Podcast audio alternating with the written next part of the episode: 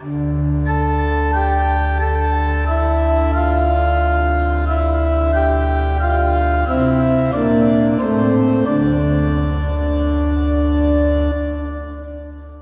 välkommen ska du vara till Predikoverkstan, en podcast från församlingsfakulteten i Göteborg. Daniel Johansson går här igenom kommande söndags evangelietext till hjälp för dig som förbereder en predikan inför söndagen eller för dig som är allmänt intresserad av att veta mer om evangelietexten. På vår hemsida www.ffg.se kan du hitta genomgångar för alla tre årgångar i evangelieboken. Och där kan du också hitta information om hur du kan stödja fakultetens arbete. Men nu, en genomgång av kommande söndags evangelietext. Vi önskar dig god lyssning. Andra årgångens evangelium för pingstdagen hämtar vi från Johannes 14, verserna 15 till 21. Det här avsnittet är det första av fem så kallade parakletavsnitt i vilka Jesus talar om anden under beteckningen parakletos. De övriga fyra eh, finner vi i 14.26, 15.26 27, 16 7 11 och 16 12 till och med 15. Vår text utgör en enhet i vilken utsagan om ni älskar mig håller ni mina bud bildar en så kallad inklusio genom att både inleda och avsluta avsnittet.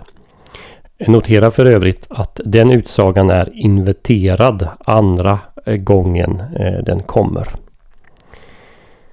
Två teman i vers 15 knyter samman den här versen och det följande med det Jesus har sagt i de föregående verserna.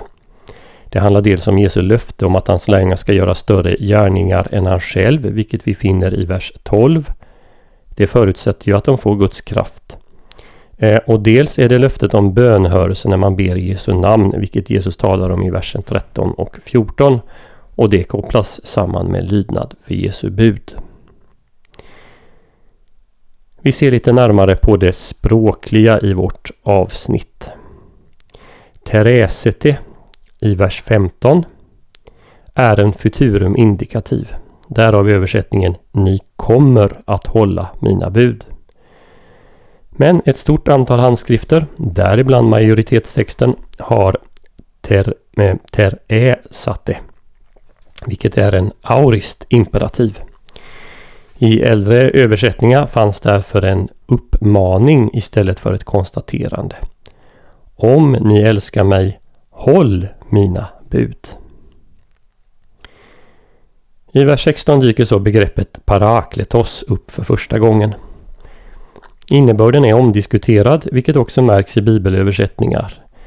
Där vi möter hjälpare, tröstare, talesman, advokat med flera översättningar. Åtskilliga bakgrundsstudier av Gamla Testamentet, av andra judiska texter från samtiden, av grekisk-romerska texter har inte lett till någon definitiv konsensus om innebörden i begreppet.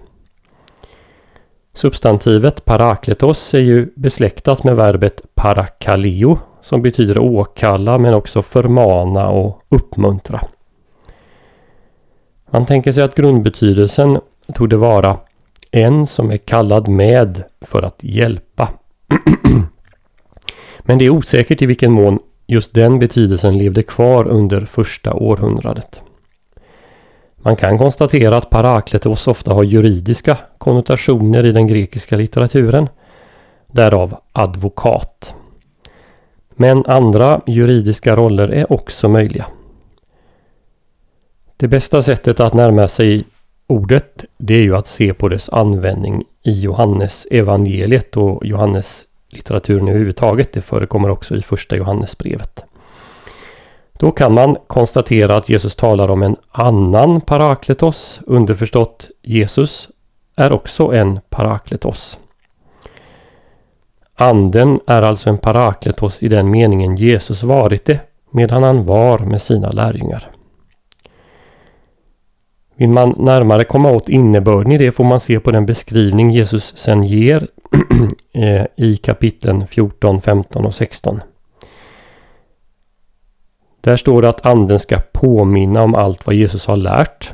Det är 14.26. Han kommer att ge vittnesbörd om Jesus tillsammans med lärjungarna 15.26.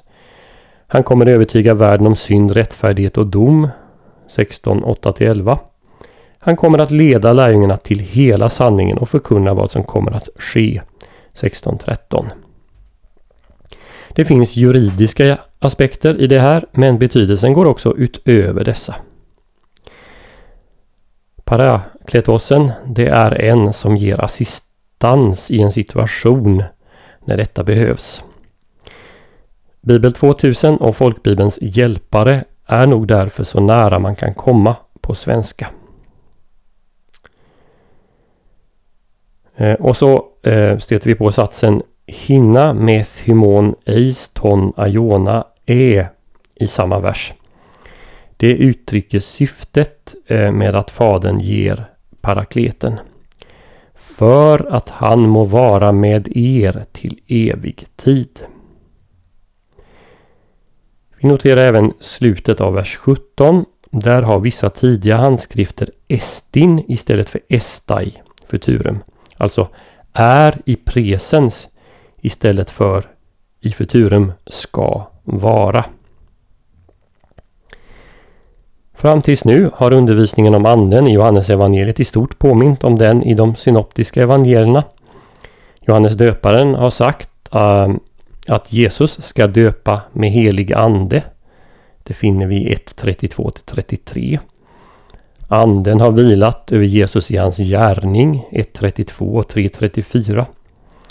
Det har talats om Andens nödvändighet för pånyttfödelse. Kapitel 3, verserna 58.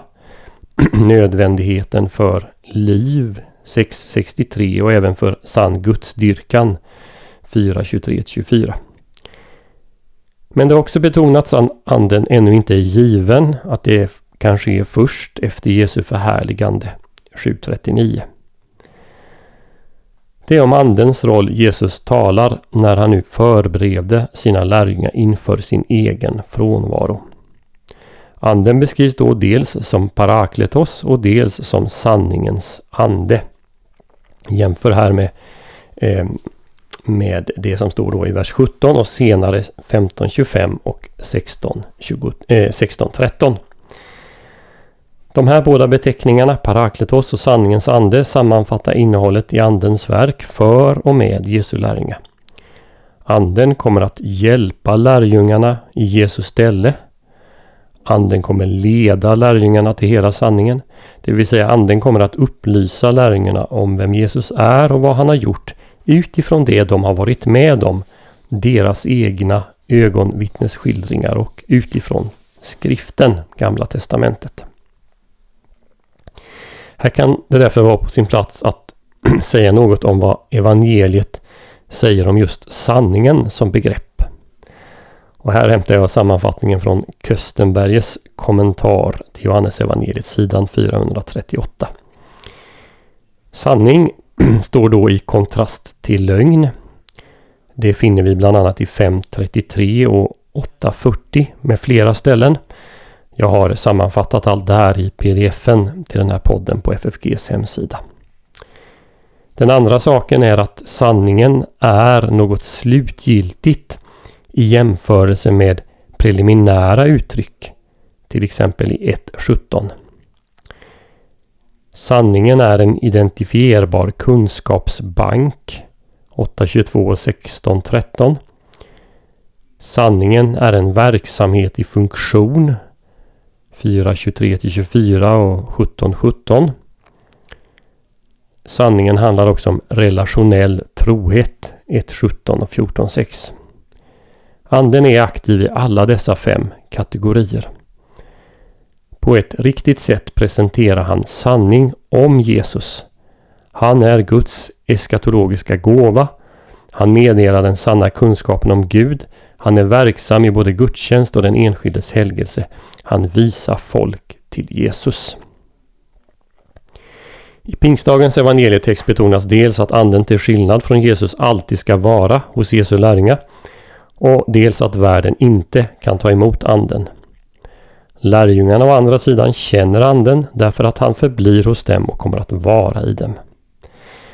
Det Jesus tycks säga här är att anden redan finns närvarande hos dem men att anden i framtiden, det vill säga efter Jesu förhärligande, också kommer att vara inneboende i dem. Kai en hymin estai och i er kommer han att vara.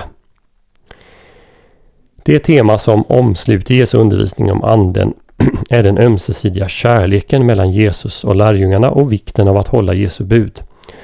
Här finns stora och viktiga paralleller till femte Mosebok där budet att älska Herren av hela sitt hjärta och hålla förbundet genomsyra hela den boken, inte bara femte Mosebok eh, 6.4, det vill säga Shema. Hittills har Johannes evangeliet understrukit Guds kärlek till världen och Jesu kärlek till lärjungarna. Men nu talas för första gången också om lärjungarnas kärlek till Jesus.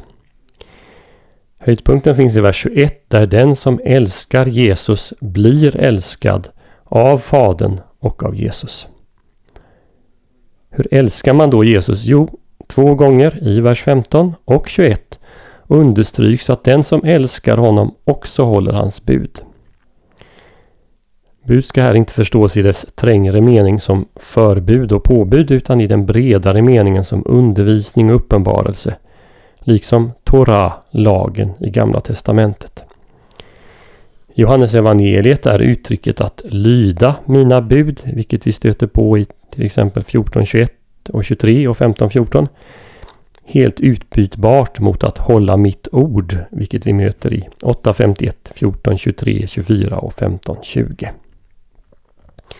Att älska Jesus handlar alltså också om att hålla sig till hela den uppenbarelse han har kommit med från Fadern, vilket ur Johannes perspektiv i första hand att handlar om att hålla sig till den undervisning från Jesus som han skrivit ned. På samma sätt som Matteus evangeliets slut hänvisar till att man ska hålla allt Jesus befallt eh, och som Matteus skrivit ner. Men i förlängningen innebär det naturligtvis att hålla sig till hela det apostoliska budskap som finns nedtecknat i Nya Testamentet. Tre korta kommentarer till sist. Uttrycket allon parakleton i vers 16 förutsätter både närhet mellan Jesus och anden och åtskillnad. Det är en annan hjälpare Jesus sänder. Begreppet orfanos i vers 18 som betyder faderlösa är anmärkningsvärt eh, när det kommer från Jesu mun eftersom Jesus aldrig direkt framställer sig som en fader i förhållande till lärjungarna. Han kallar visserligen lärjungarna för barn i 1333 men själva fadersbegreppet reserveras för Gud. Orfanos kunde i sekulär grekiska avse barn som förlorat den ena föräldern men också lärjungar som förlorat sin mästare. Det användes både av Sokrates och rabbiner inför deras död. Så vi får väl anta att det används metaforiskt här. Till sist noterar vi att det ömsesidiga inneboendet det talas om i vers 20 syftar fram emot och utvecklas ytterligare i inledningen av kapitel 15 eh, då Jesus beskriver sig själv som det vinträd på vilket lärjungarna är grena. Eller som man också kan översätta, den vingård i vilken lärjungarna är vinträd. Så hoppas vi att denna genomgång får bli till hjälp och välsignelse för dig som har lyssnat. På vår hemsida www.ffg.se kan du hitta information om hur du kan stödja fakultetens arbete, bland annat som genom den här podcasten. Ett sätt att stödja är att skänka en gåva genom Swish. Församlingsfakultetens Swish-nummer är 123 100 8457. Alltså 123 100 8457. Mottagaren som anges är Peter Isak Bens utbildningsstiftelse. Märk gärna gåvan FFG Podcast om du vill stötta just denna podden så önskar vi dig allt gott och Guds välsignelse.